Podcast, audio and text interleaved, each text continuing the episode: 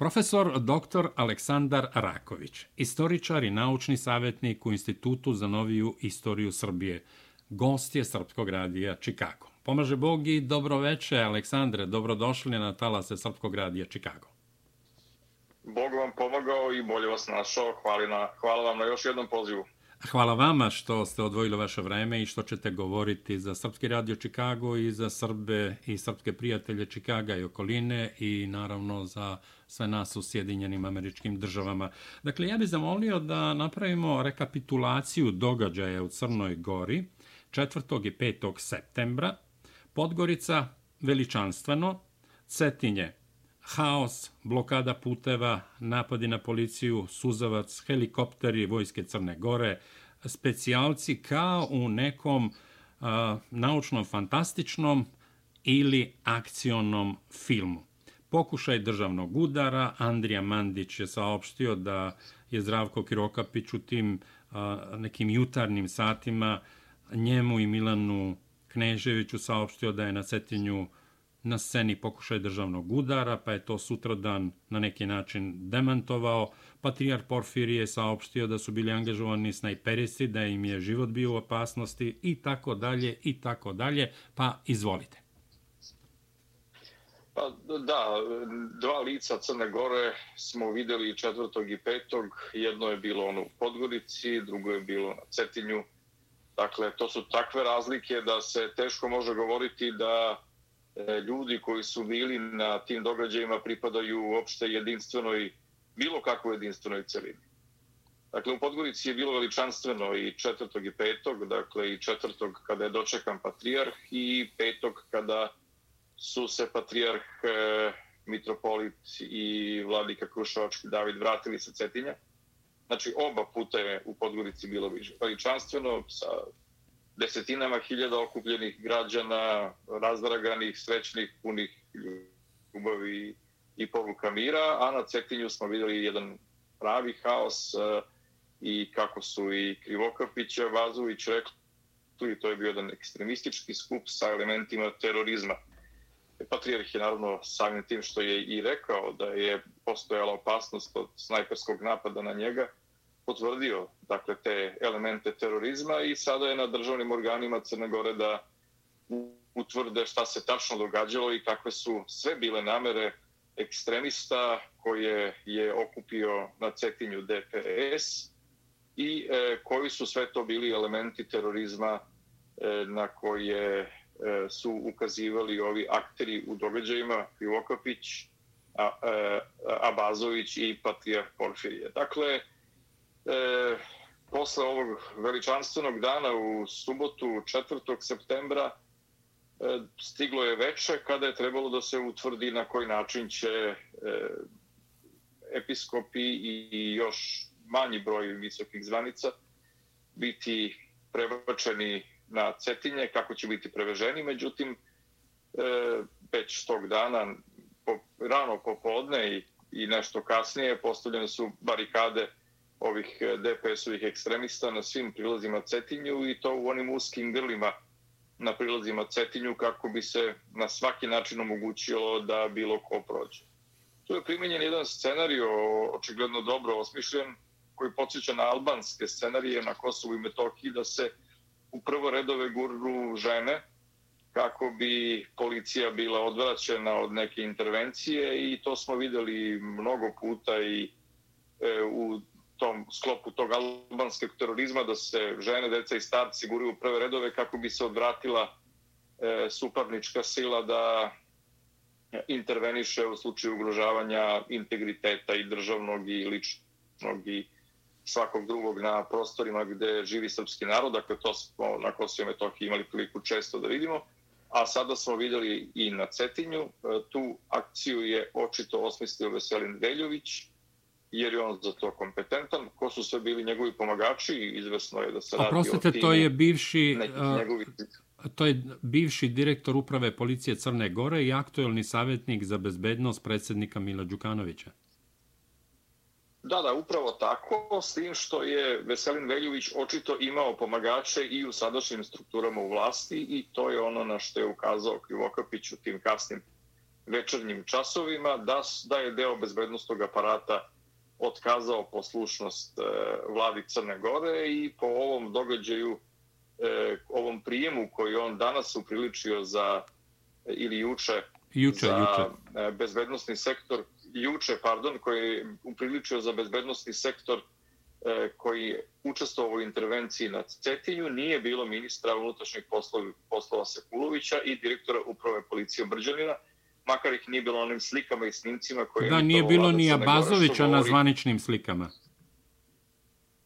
Da, da, ali to govori sve da neki problem postoji i da e, Krivokapić te svoje bliske saradnike, dakle Sekulovića i Brđanina, s namerom nije stavio na te snimke da postoji neki problem.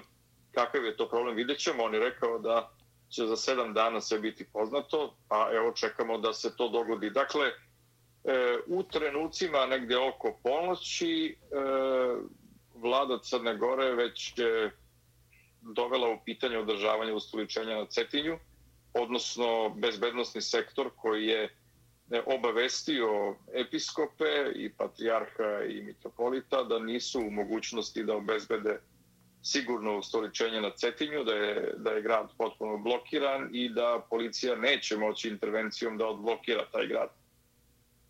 Međutim, to je odmah dovelo do reakcije patrijarha Porfirija i mitropolita Jonikija, koji su rekli da će e, svakako ići na Cetinje, a patrijarh Porfirije je rekao bezbednostnim strukturama koje su ga o tome obavestile da ga samo oni odvezu dokle moguće da ga odvezu, gdje će on dalje pešice ići e, do Cetinskog manastira, to se izvesno odnosilo i na mitropolita Jonikija, dakle da bi čak oni bili spremni da pešice dođu e, do, do manastira i da se obavi ostoličenje, ali onda je došlo do preokreta kada je Krivokapi shvatio da je izložen subverziji i državnom udaru gde se zauzima deo teritorije Crne Gore koji bi kontrolisao neko drugi, a da e, pomagači ima u strukturama vlasti.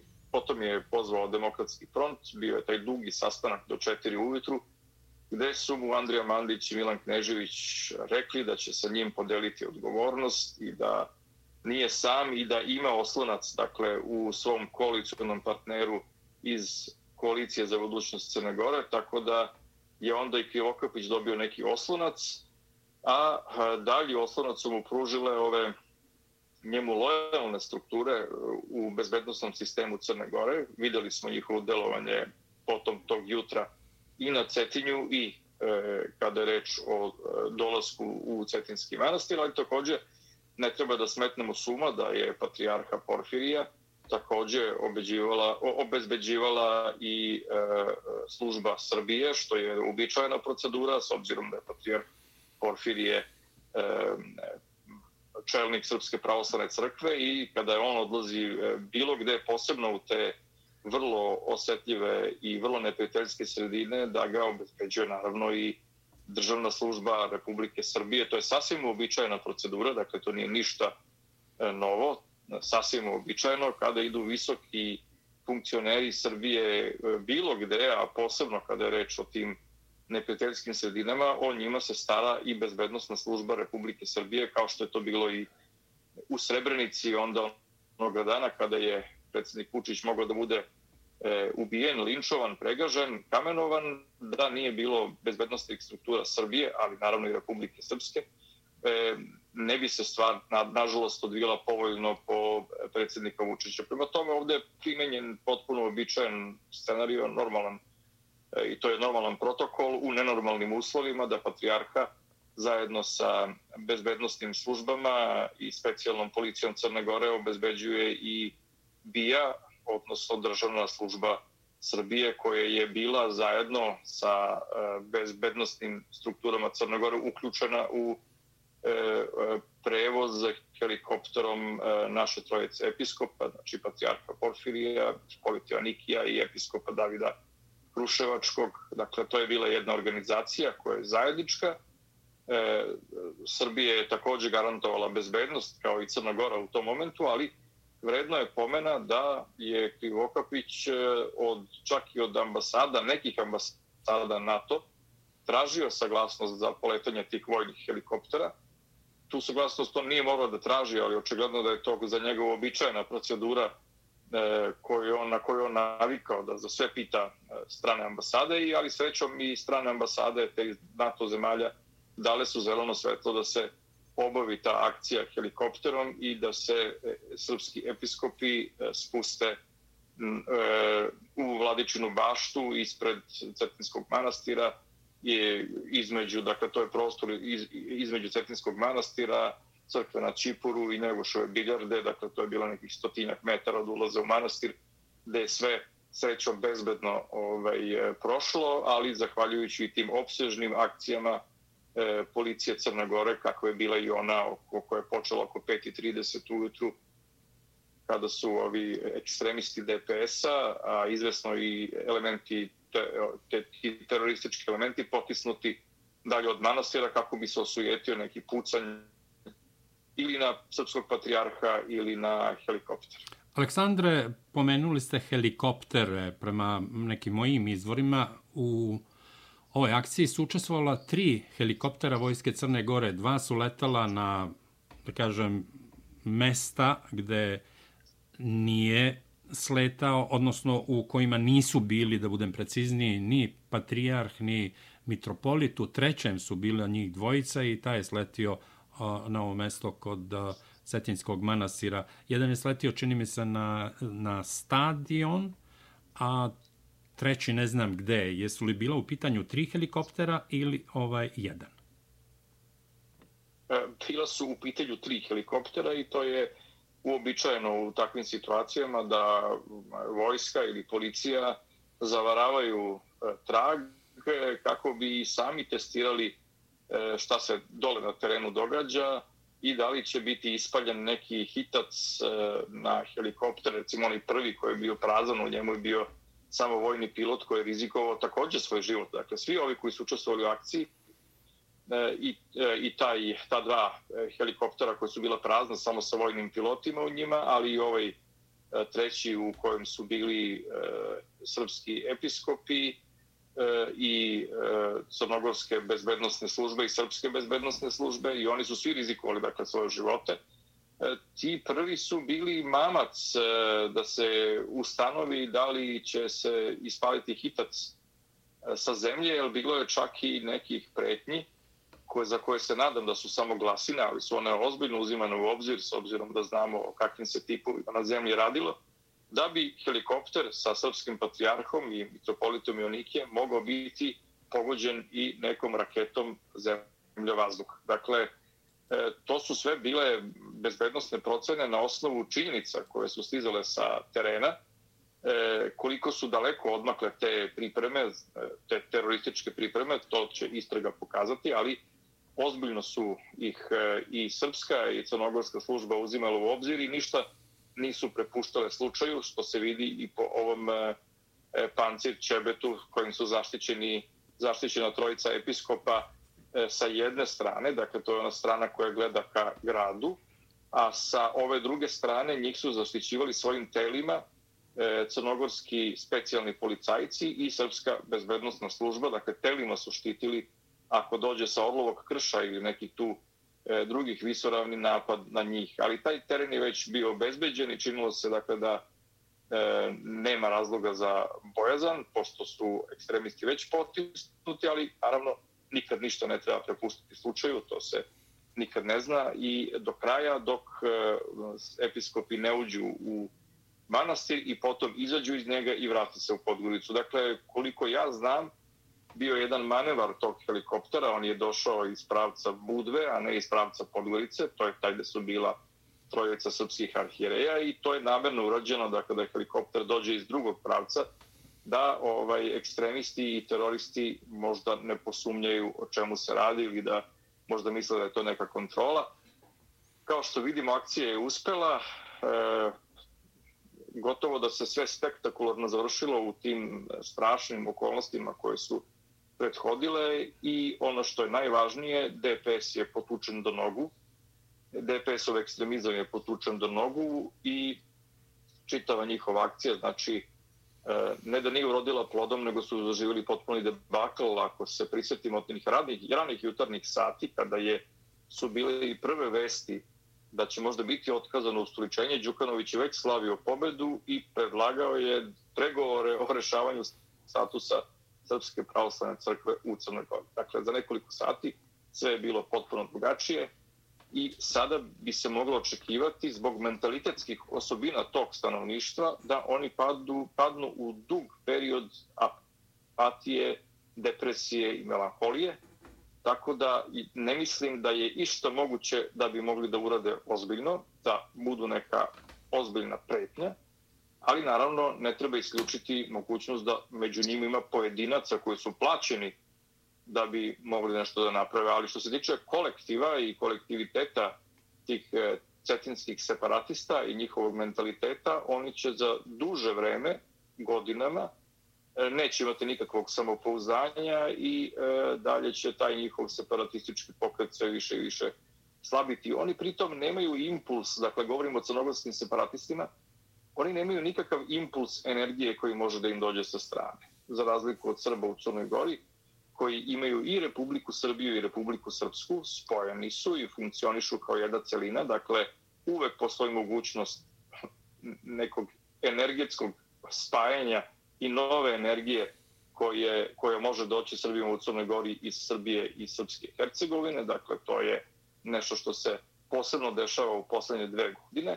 Tako da oni uvek imaju neki impuls i zaštitu i sigurnost da neće biti ostavljeni na cedilju, cedilu, dok su ovi drugi, dakle, crnogorski separatisti sada praktično izolovani, dakle, oni su do te mere izolovani da nemaju etničku granicu e, ni sa Hrvatima, jer je Boka potpunosti Srpska. Dakle, nemaju etničku granicu čak i da nešto imaju malo sa Albancima, to nije ni bitno, će se Albanci baviti njima.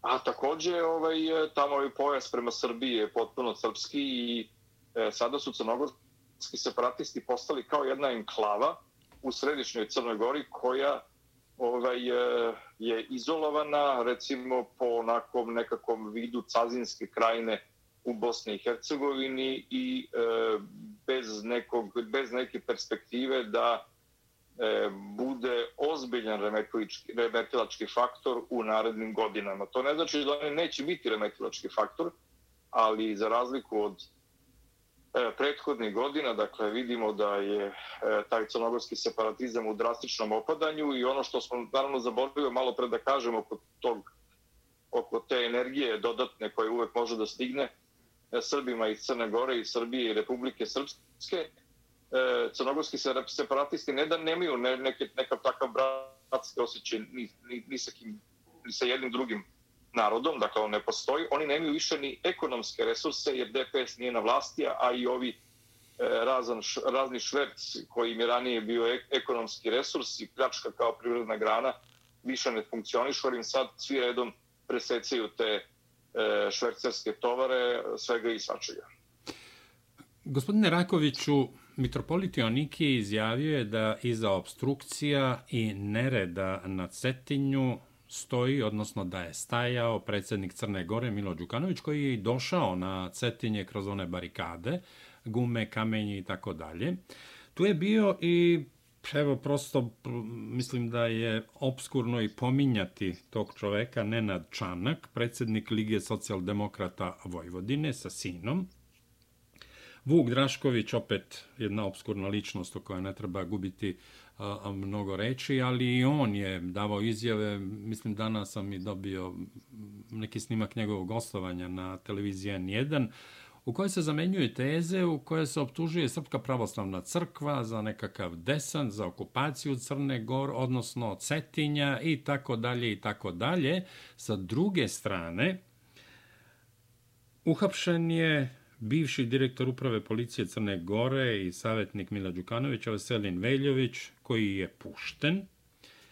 Zdravko Kirokapić je dao vrlo žestoke ocene onog što se dešavalo na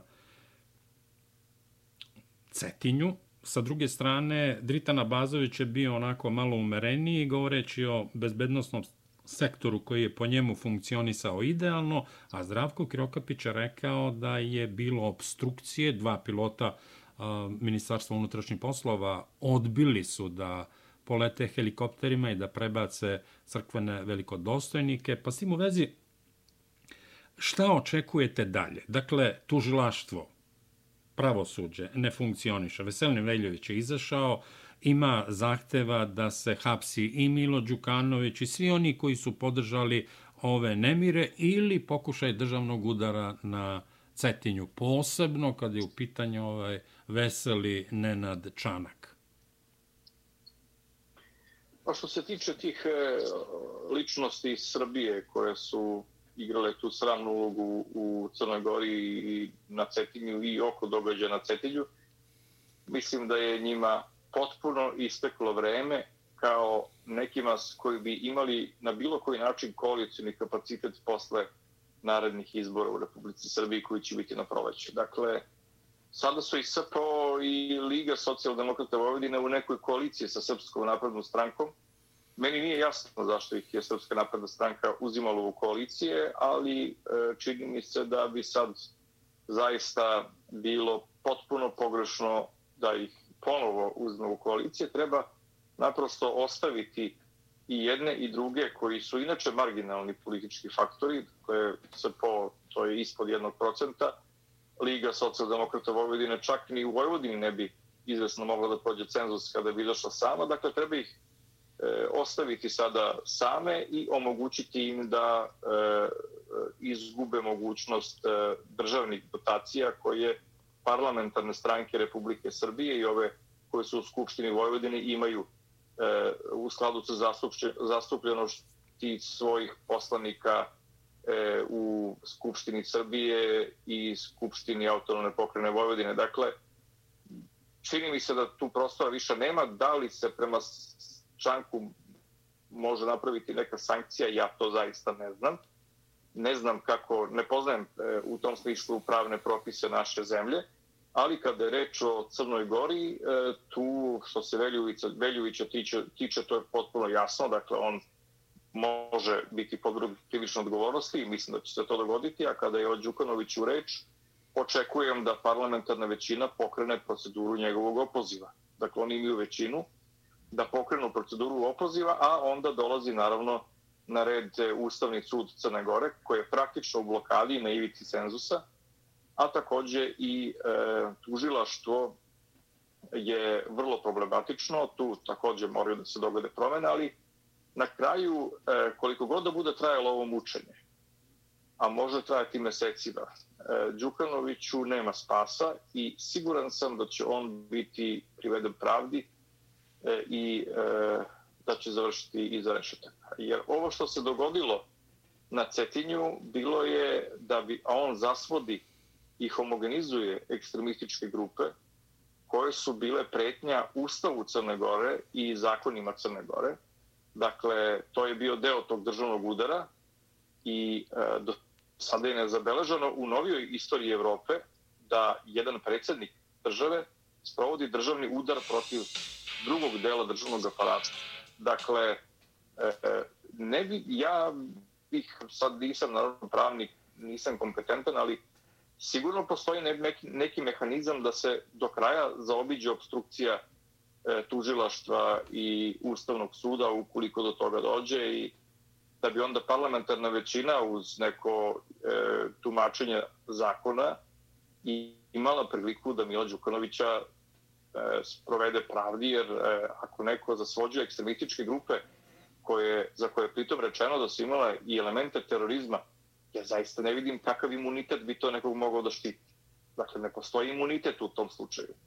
Šta znači imunitet? Ne može imunitet imati neko ko je u stanju da e, zasvođuje i homogenizuje e, ekstremiste koji su spremni da izazovu krvoproliće. To, onda, to je onda zloupotreba, to nije nikakav imunitet.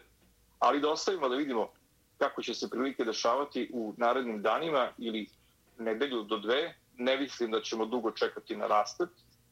I e, SNP je već u proceduru ubacio ovaj predlog da se Đukanović opozove. Vidjet ćemo kako će se to odvijati, ali dakle, što se mene tiče i mog mišljenja, a pokazalo se da sam solidan prognozer događaja u Crnoj Gori, budući da se i po širini i dubini bavim tim pitanjima, Đukanoviću nema spasa, dakle on će sigurno biti preveden pravdi i e, e, ako ne umakne iz Crne Gore, e, on teško da će ostati na slobodi. A profesore Rakoviću, kad pominjete inicijativu Socialističke narodne partije, vest od danas je da su sve članice vladajuće koalicije u Crnoj Gori načalno podržali inicijativu za smenu predsjednika Crne Gore Mila Đukanovića, Demokratski front, evo nabrajaju sve, sve tu partije, Demokrate Demos, e, Demokratski front, Pokret za promene i Crno na bijelo. Dakle, svi su podržali inicijativu za smenu Mila Đukanovića zbog kršenja Ustava.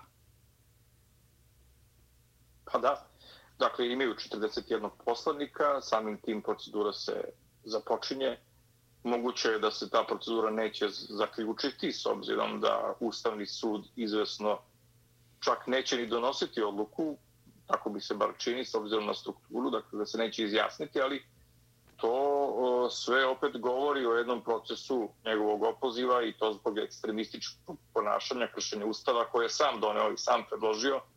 Dakle, on je izdao i tu zemlju koju je 2006. stvorio razbijenjem Srbije Jugoslavije, ali odnosno državne zajednice Srbije i Crna Gora, ali kao što vidimo, Đukanović ima e, iskustvo u razbijenju država. Dakle, on je razbijao i Srbiju, Jugoslaviju, i državnu zajednicu Srbije i Crna Gora i sad je počeo da razbije i Crnu Goru. Dakle, to se radi sa jednom destruktivnom čoveku koji je e, svoju partiju doveo do toga da prođe jedan put nesvakidašnji za Evropu od e, jedne demokratske, od jedne partije u stvari, političke partije, E, DPS je prerastao u organizovanu kriminalnu grupu, zatim u etničke, etni, u, ušao je u polje etničkog ekstremizma i na kraju, evo sad, kako i Krivokapić i, i Abazović i Patrijarh kažu, on je DPS je zapravo njegove strukture, organizacija, već je e, e, jednom ili sobe noge ušlo u polju terorizma. Dakle, to je jedan neverovatan, neverovatna metamorfoza to su mesečeve mene razvoja DPS-a od partije, od obične političke stranke do, do e, terorističke organizacije u NEF. I kako bi jedna ozbiljna država mogla dalje da funkcioniše sa jednom takvom strukturom, osim da opozi Mila Đukanovića, ali također da razmišlja o tome da DPS bude za jer zaista ne vidi koji, kako bi oni mogli da nastave pod tim imenom da uopšte rade, jer to imaju do kraja iskompromitovano i povezano je sa e, raznoraznim kriminalom i ovaj e, jednostavno e, bilo bi uvredljivo za Crnu Goru da DPS nastavi da postoji kao politička struktura. Dakle, postoji mogućnost da se ta partija zabrani, treba iskoristiti tu mogućnost, a posle ti ostaci te partije ne formiraju neku drugu pod drugim imenom, nek prođu neku metamorfozu u pozitivnom smislu i katarzu, nek nastave se brave politikom, ali DPS je do toliko iskompromitovano ime da danas kada kažete Demokratska partija socijalista, to je kao da ste rekli Koza Nosta ili Kamora. Dakle, to zaista, zaista je, obesmišljava se svako drugo bavljenje ovaj, e, politikom i državnom politikom Crne Gore od strane ljudi koji su mogli da učestvuju u organizaciji ovog haosa na Cetinju koje je trebalo da rezultira krvoproliće srećom, pa je dobrom akcijom crnogorske policije sve to sprečeno i pritom crnogorska policija je sprečila e, e, ozbiljne incidente samo upotrebom hemijskih sredstava. Oni su suzavcima i šok bombama uspeli da odbiju teroriste i ekstremiste, a ovaj, e, čak i na onaj molotovljiv koktel koji je bačen na njih, koji koji je očito vidljivo da je Milo Molotovljiv koktel, dakle, nešto što se zapalilo kad je vačao na policiju, ovi ekstremisti iz DPS-a sada negiraju, dakle, oni jednostavno prave čitavu javnost, ne samo srpsku ili post-jugoslovensku ili balkansku, nego evropsku i svetsku javnost prave, pokušavaju da naprave pudalama i da nešto što se očito vidi da je bio teroristički napad, ekstremistički napad, anarhističkog tipa, dakle, nesolidnih ljudi, da očito kažu da se, da se tako nešto nije dogodilo. Dakle, to ovaj, e, sve ukazuje na besprizornost e, tih ljudi koji su na Cetinju e, tog dana pokazali potpuno divljaštvo. Dakle, ono što smo videli na Cetinju, to je pravo pravcato divljaštvo, kako bi, kako bi se drugačije moglo nazvati ono što smo videli i od blokade puteva, a posebno od toga kako je napadnuta crnogorska policija. Dakle, e, treba čestitati zaista bezbednostnim organima Crne Gore, onima koji su bili lojalni vlastima Crne Gore, a takođe i e, ovim bezbednostnim organima Srbije, pa je tu ukazati da je i NATO e, učinio tu neku pozitivnu stvar u Crnoj Gori. Dakle, treba svima čestitati što su ovu akciju e, sproveli tako da ne bude žrtava i da budu odbranjeni e, srpski arhireji od eventualnog ekstremističkog ili terorističkog napada. Profesore Raković, ako dozvolite, samo na Cetinju je bilo između 1500 i 2000 ljudi. Ispred uh, hrama u Podgorici, Hristovog vaskrsenja, bilo je preko 50.000 ljudi. Pa bih ja rekao da je u stvari onaj narod koji je bio ispred hrama i juče je protojerej Savrofor Radomir Nikčević rekao da su oni vodili računa da ne dođe mnogo više ljudi s obzirom na mere protiv koronavirusa, da bi bilo možda i 100.000. Dakle, ja bih rekao da je ono u stvari prava Crna Gora, a ovo na Cetinju gde moramo biti a, a, realni i reći da nisu svi cetinjani učestvovali u tim nemirima i da ono nije slika Crne Gore, ako se slažete. Pa, delimično bih se složio s vama, ali tu u tom smislu ne u potpunosti. Čujem za te priče da to nisu svi cetinjeni, međutim, znate da je izašlo i hiljadu cetinjena. A oni akcenti koje smo mogli da čujemo tamo u tim prvim redovima su bili ti akcenti, cetinski akcenti. Da je izašlo i hiljadu ljudi, to bi bilo kao da je u Beogradu izašlo 60.000 ljudi. Dakle, to za tako malu sredinu kao što je Cetinje, nije tako mali broj. Dakle, to je veliki broj. I e, kada je reč recimo o Cetinju, e, on ima dugu tradiciju napada na Srpsku pravoslavnu crku, to traje već 30 godina, napada na bogosloviju, napada na mitropolitan Filohija, napada na srpske sveštenike i kauđere i čak i jedan bogoslov izboden nožem, jedve ostao živ. Dakle, to su radili Cetinjani I e, još jedna stvar je tu važna. Cetinje je jedini grad gde nije smela da se e, organizuje litija tokom prethodne godine.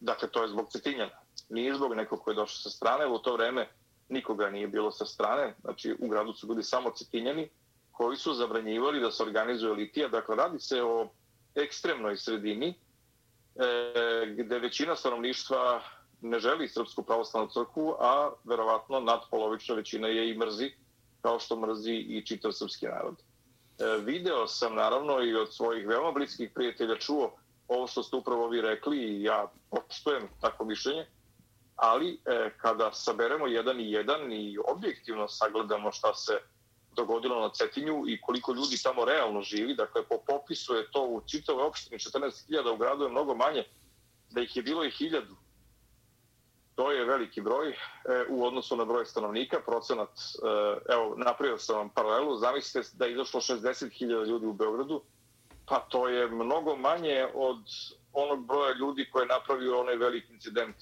u vreme e, prošle godine kada je trebalo da se uvede onaj lockdown drugi zbog COVID-a. Dakle, neuporedivo manje ljudi je bilo na beogradskim ulicama tada, bili su u stanju da izazovuju i veliki i ozbiljen incident. Tako da, ne bih, e, čitava klima koja je stvorena na Cetinju je takva da postoji jedan deo ekstremista koji stalno napada Srpsku pravoslavnu crkvu, fizički ugrožava, a s druge strane ovaj deo koji ne napada čuti i ne oglašava se. Dakle, e, samim tim je odobrava. Znate, jel, e, da, čutanje je odobravanje. Neko ko se ne protivi tim napadima, on odobrava. Dakle, u čemu je bio problem da se E, pojavi jedna grupa cetinjana, sada recimo na ovom skupu, i da protestuje protiv ovih ekstremista koji su se okupili u tom gradu. Dakle, mi ništa od toga nismo videli. Dakle, nismo videli ni jednu litiju, nismo videli ni jedan događaj na Cetinju koji je bio lokalni događaj u korist Srpske pravoslavne crkve, neka pohvala Srpske pravoslavne crkve. Naprotiv, vidjeli smo sasvim drugačije situacije, čak i one koje se mogu nazvati e, obskurnim, da E, je njihov odgovor na e, suze jednog sveštenika kojih je splakao za njima i molio ih da se zajedno mole, njihov odgovor je bio na to da napadnu bogosloviju i da prebiju učenike i da i eto, dakle, oni jednostavno na svako pruženje ruke neće pružiti svoju ruku. I svaki pozitivan odnos koje je sveštenstvo Srpske pravoslavne crkve, govorimo o ovima koji su nekad bili na Cetinju, pa su sad premešteni u druge gradove, dakle, taj odnos koji su oni stvorili sa lokalnim stanovništvom bio je ličan. Ali samo ličan. Dakle, za Srpsku pravoslavnu crkvu i otopljavanje odnosa prema Srbima i srpstvu i e, jerarhiji e, Cetinskog manastira, dakle, nije bilo ništa od toga. O tome se radi. Dakle, stvoren je ličan odnos, ali nikakva korist nije bila za Srpsku pravoslavnu crkvu od tog ličnog odnosa. Dakle, u redu je stvoriti lični odnos, ja to ne dovodim u pitanje, naravno, i to je lepo i ljudi stvaraju lične odnose, ali kada je reč o otopljavanju e, tog cetinskog življa prema Srpskoj pravoslavnoj crkvi, od toga nije bilo baš ništa i evo vidit ćemo i narednih dana niko se neće oglasiti u korist Srpske pravoslavne crkve, ni jedna organizacija, niko sa Cetinja neće reći ni jednu lepu reč o Srpskoj pravoslavnoj crkvi, a da pritom ovaj, nije reč o, na primjer, crkvenoj opštini Cetinje koja je deo Mitropolije Crnogorsko-Primorske. Dakle, niko od ovih sa strane neće reći ni jednu pozitivnu i lepu reč o Srbima i Srpskoj pravoslavnoj crkvi. Ja to tumačim samo kao znak odobravanja ili nezainteresovanosti za to što se dešava e, sveštenstvu Srpske pravoslavne crkve i malobrojnim ostacima srpskog naroda na Cetinju. Dakle, E, samim tim e, i to stanovništvo koje čuti i ne reaguje, učestvuje u progonu srpstva na Cetinju. Da, ja se slažem sa vama kada je u pitanju Cetinje bez, bez dileme, dakle nemam nikakve zadrške u vezi sa vašim mišljenjem. Ja sam samo hteo da kažem da su litije u stvari, čini mi se, pokazale pravo lice Crne Gore, ono iskonsko dobro čojstva i junaštva, a da je Cetinje neka druga priča koja je potpuno iščašena iz Crne Gore, pa bez obzira što je to glavni grad Crne Gore, nekako ne pripada Crnoj Gori na način kako se ponašaju. Dakle, hteo sam da kažem da to nije većinsko lice Crne Gore, bar ja takav utisak imam. Da, da, da. Da, tu se potpuno slažem sa vama, naravno. To što ste rekli je potpuno tačno. E, I to je pitanje za nas, kao e, Srpsku pravoslavnu crkvu i Republiku Srbiju, kako to da je crkvena, naša crkvena misija na Cetinju doživjela takav poraz, iako je u svim drugim delovima Crne Gore doživjela procvet. Da. Dakle, u svim drugim delovima Crne Gore Srpska pravoslavna crkva je e, doživjela takav bum, da se tako izrazim žargonski, da je to e, nesvakidašnje i to je veći bum nego u, u gotovo svim sredinama u Srbiji i Republike Srpskoj. A s druge strane imamo tu jednu izolovanu celinu koja je na Cetinju, e, koja je u stvari e, uprkos e, milionima i milionima koje je Republika Srbija preko svojih programa davala za misiju Srpske pravoslavne crkve na Cetinju, a to je po našem zakonu, dakle to su čak i javni podaci, uprko svemu tome naša misija na Cetinju doživjela neuspeh. I sada mi treba da vidimo zašto se to dogodilo. Jer ne mogu da nam budu krivi samo ovi e, samo ove crnogorske ustaše. Dakle, nikad nije neprijateljima isključiva krivica. Da vidimo gde smo mi pogrešili. Ja sam jedan od kreatora tog programa za e, podršku Srpskoj pravoslavnoj crkvi izvan Republike Srbije. Nisam osnivač tog programa, osnivači su ministri Milan Radulović i Bogoljub Šijaković, ali ja sam jedan od kreatora zajedno sa, sa njima. Ovaj, pa je i na nama, na svim tim strukturama vlasti koje su bile u Srbiji u prethodnih e, eto, od 2008. makar da kažem do danas, a to su sve, sve partije koje su se bavile, koje su e, bile prisutne u ministarstvu vera ili kasnije upravi za vere, dakle i DSS i Demokratska stranka i SPS i Srpska napredna stranka, to je pitanje za sve gde smo svi omanuli e, a, a, i pitanje za Srpsku pravoslavnu crkvu gde je ona omanula u našoj misiji na Cetinju i zašto se dogodilo da tamo ne bude nikakvog uspeha ili skoro nikakvog uspeha za Srpsku pravoslavnu crkvu. Dakle, ne utvrđujemo sad nikakvu pojedinačnu odgovornost. E, da se razumem, da se razumemo, imam nameru da prosto podnesem inicijativu i pred Svetim Arherijskim sinodom i pred upravom za saradnju s crkvenim verskim zajednicama Republike Srbije, da podnesem tu inicijativu da se utvrde činjenice o tome zbog čega je naša crkvena misija na Cetinju doživjela neuspeh. Dakle, prosto to je pitanje na koje moramo da damo odgovor da, e, bi, e, da nam se to ne bi ponovilo u nekoj drugoj sredini. To nam se desilo u sredini e, koja je bila srpska prestonica, dakle Njaževine i Kraljevine Crne Gore, i koja je bila sedište i sada je sedište mitropolije Crnogorsko-Primorske srpske pravoslavne crkve. Dakle, desilo nam se u prestonici srpskog naroda jedna od prestonica srpskog naroda desilo nam se takav neuspeh i za to treba da vidimo e, kako se desilo, utvrdimo naučno-stručnim putem, zašto je Cetinje danas podsjeća na Ljubuški, na Čitluk, na Čapljinu, na Livno, na Tomislavgrad, na, na Gospić i na te ekstremne sredine, na Čavoglave, kraju oni i pevaju u Čavoglavama hvalospeve, na te ekstremne sredine Hrvata koji s nama deli ista prezimena. Dakle, to je ista ta motiv za tu srbofobiju i kod tih ekstremnih Hrvata iz zapadne Hercegovine, Dalmatinske Zagore i Like, e, koji su nekada pripadali srpskom etničkom korpusu. E, dakle, motiv za njihovu srbofobiju isti je kao i kod Cetinjana, a pritom intenzitet te srbofobije također istovetan.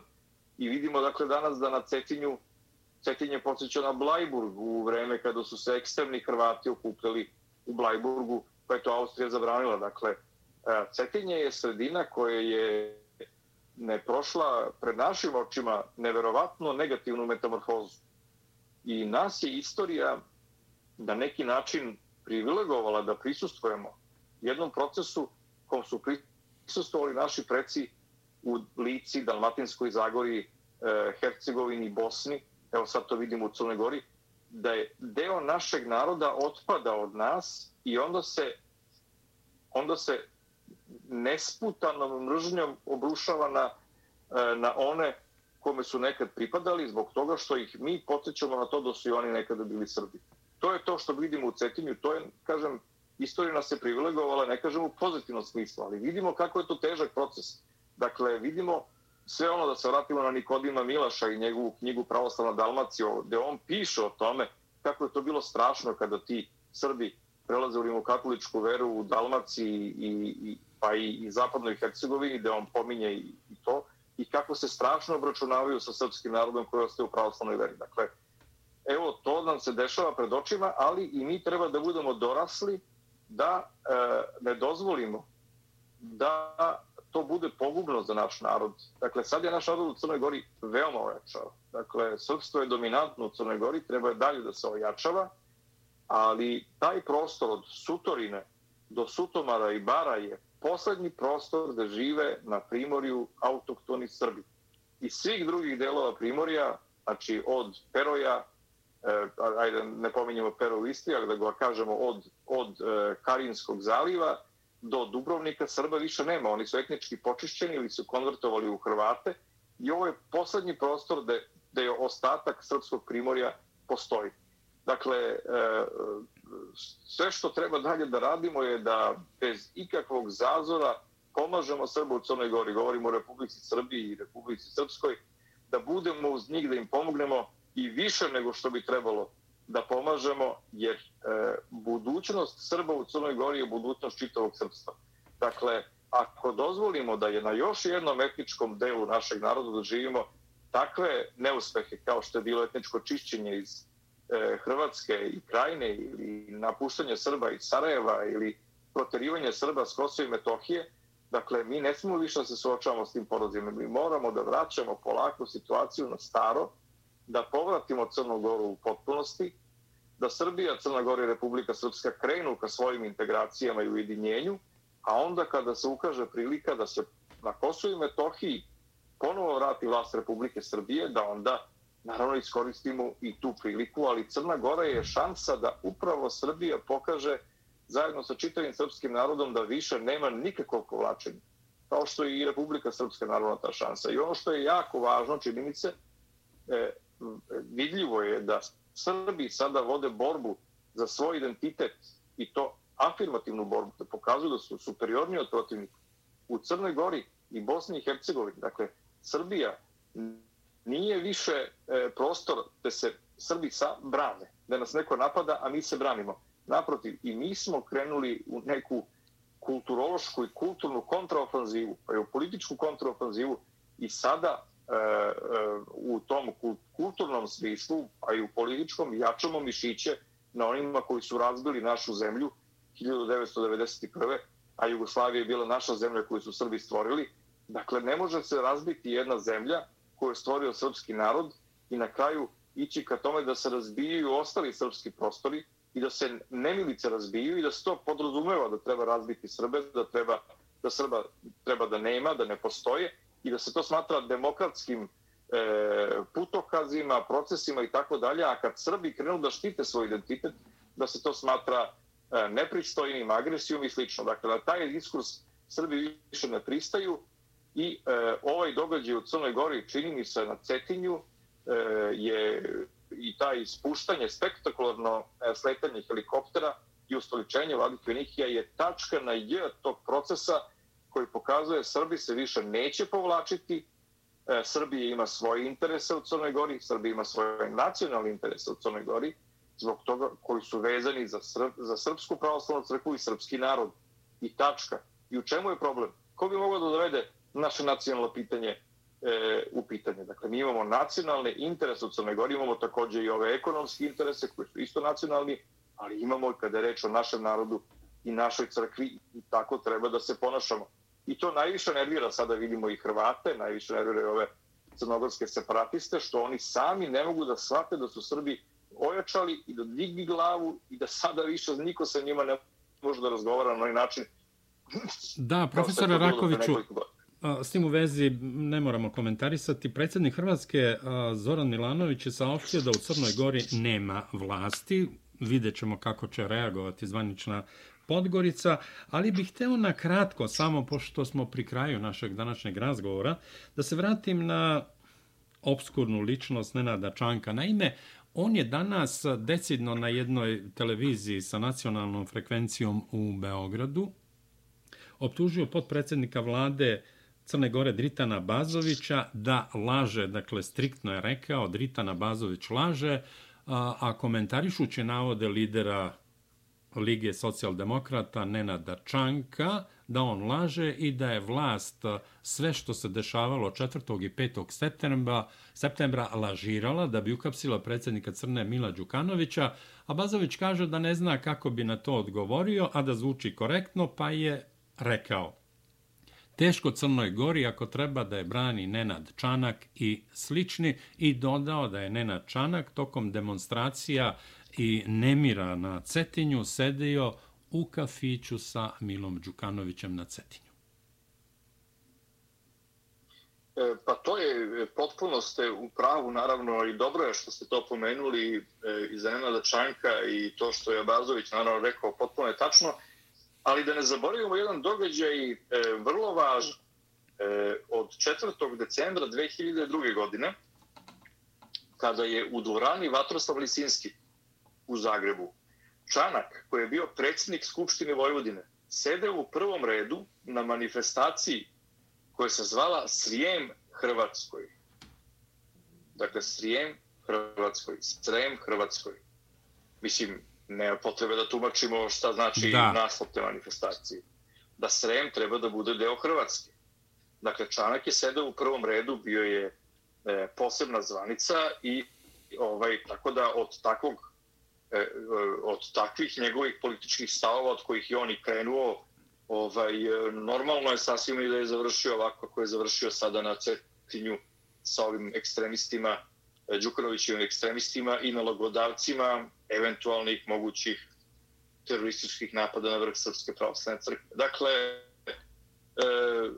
članak, čini mi se, završava, to je njegov kraj, u političkom smislu posle ovoga on se više neće vratiti. Znate, posle ovoga ne verujem da bi bilo ko mogao sa njim da ide u bilo kakvu političku saradnju, a kamoli koaliciju. Da, dakle, Aleksandre... on nije prihvativ ni Srbima, nije pri... Izvolite. Ne, završite, završite. Pošto ima mali, ovaj, malo kašenje, dakle, pa onda...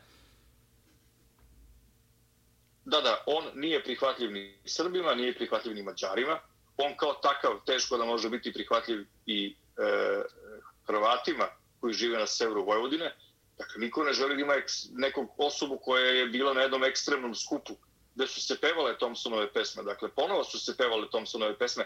Ne u tom šatoru gde je bio ili u kafani, već gde je bio čanak, ali na barikadama su i tekako puštane Thompsonove ustaške pesme i o tome postoje i zapisi, tekstovi koji su objavljeni od ljudi koji su vidjeli barikade i bili na njima.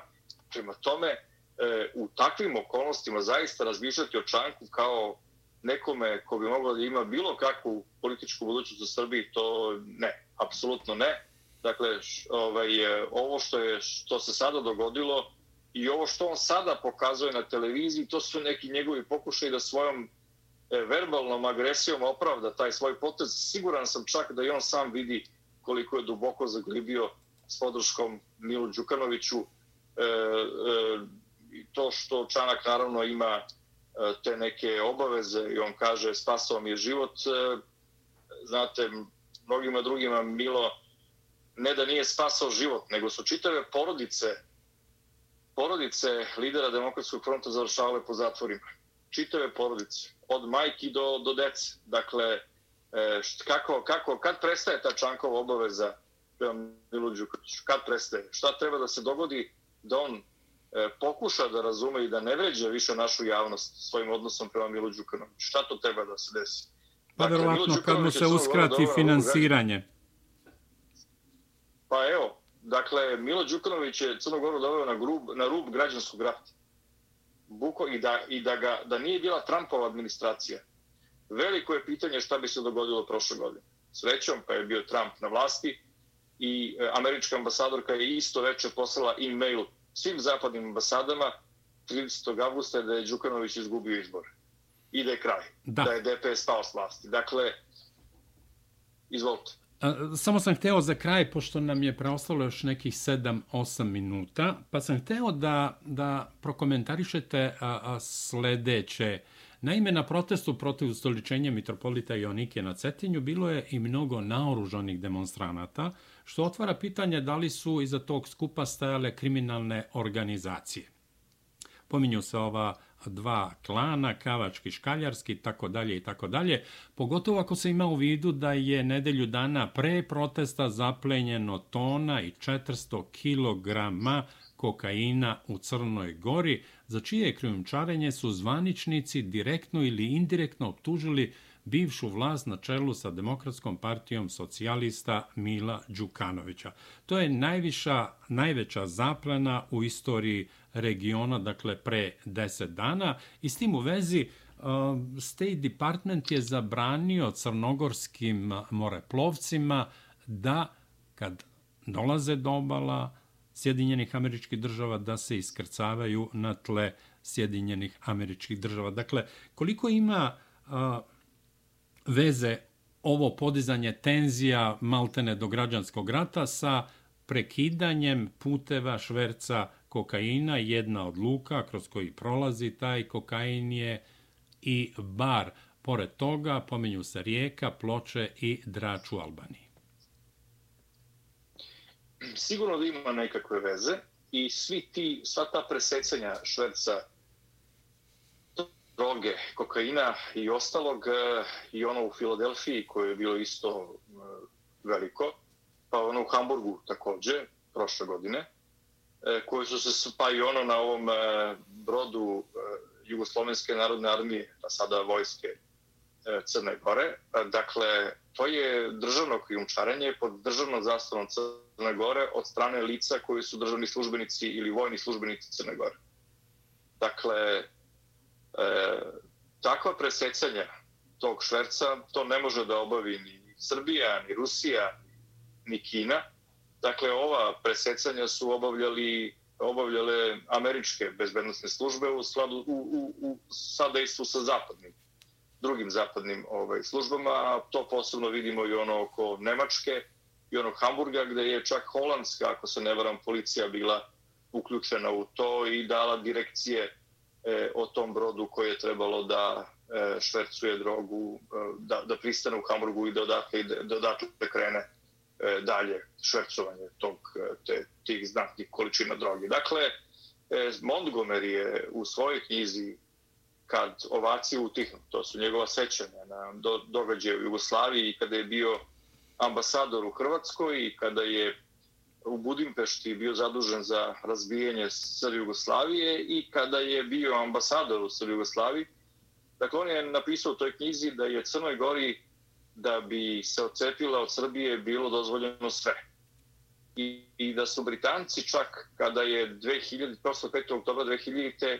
tražili od zapadnih partnera da odmah Milo Đukanović leti sa vlasti i to Montgomery kaže zbog šverca cigaretama i trgovine ljudi.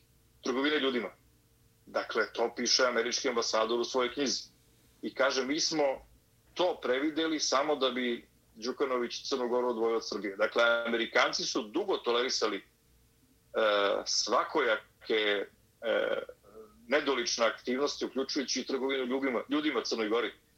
Ovaj, e, pa, ali evo, došao je kraj e, i, i tom, toj vrsti kriminala, pa evo vidimo i preko ovoga što se presecaju ovi kanali za švercovanje e, droge i e, ostaje nam samo da vidimo da li će ti crnogorski organi biti u mogućnosti da čitavu operaciju sprovedu do kraja. Dakle, ja sam i u svojoj knjizi Crnogorski separatizam napisao, e, iako se nisam bavio tim e, tim kriminalnim e, aktivnostima aktera, jer e, nemam za to ni kompetencije, ni znanja, ali sam pomenuo, dotakao sam tu temu, da je e, jednoj takvoj hobotnici bila potrebna ideologija da bi sebe sačuvala, a pošto sama sebi nije mogla da nikakvu ideologiju, onda je ta kriminalna hobotnica preuzela ideologiju, a nije mogla goru ideologiju da preuzme, preuzela je ideologiju Hrvatske stranke prava, koja je srbofobna po karakteru i vrhunac je doživala u nezavisnoj državi Hrvatskoj kada je e, bio e, kad izvrše genocid od Srbima, Jevrejima i Romima. Dakle, ništa gore nije moglo da se dogodi, ali s obzirom da e, ova e, DPS-ovska struktura nema znanja da sama utvrdi neku ideologiju, ona je preuzela ekstremnu ideologiju Hrvata koja u sebi sadrži suštinsku srbofobiju i toga ne čudi što je Milo Đukanović 2018. godine u decembru rekao, poslao pismo, jedno u pismo je napisao jednom fakultetu u Crnoj Gori da treba razvijeti crnogorski domovinski identitet.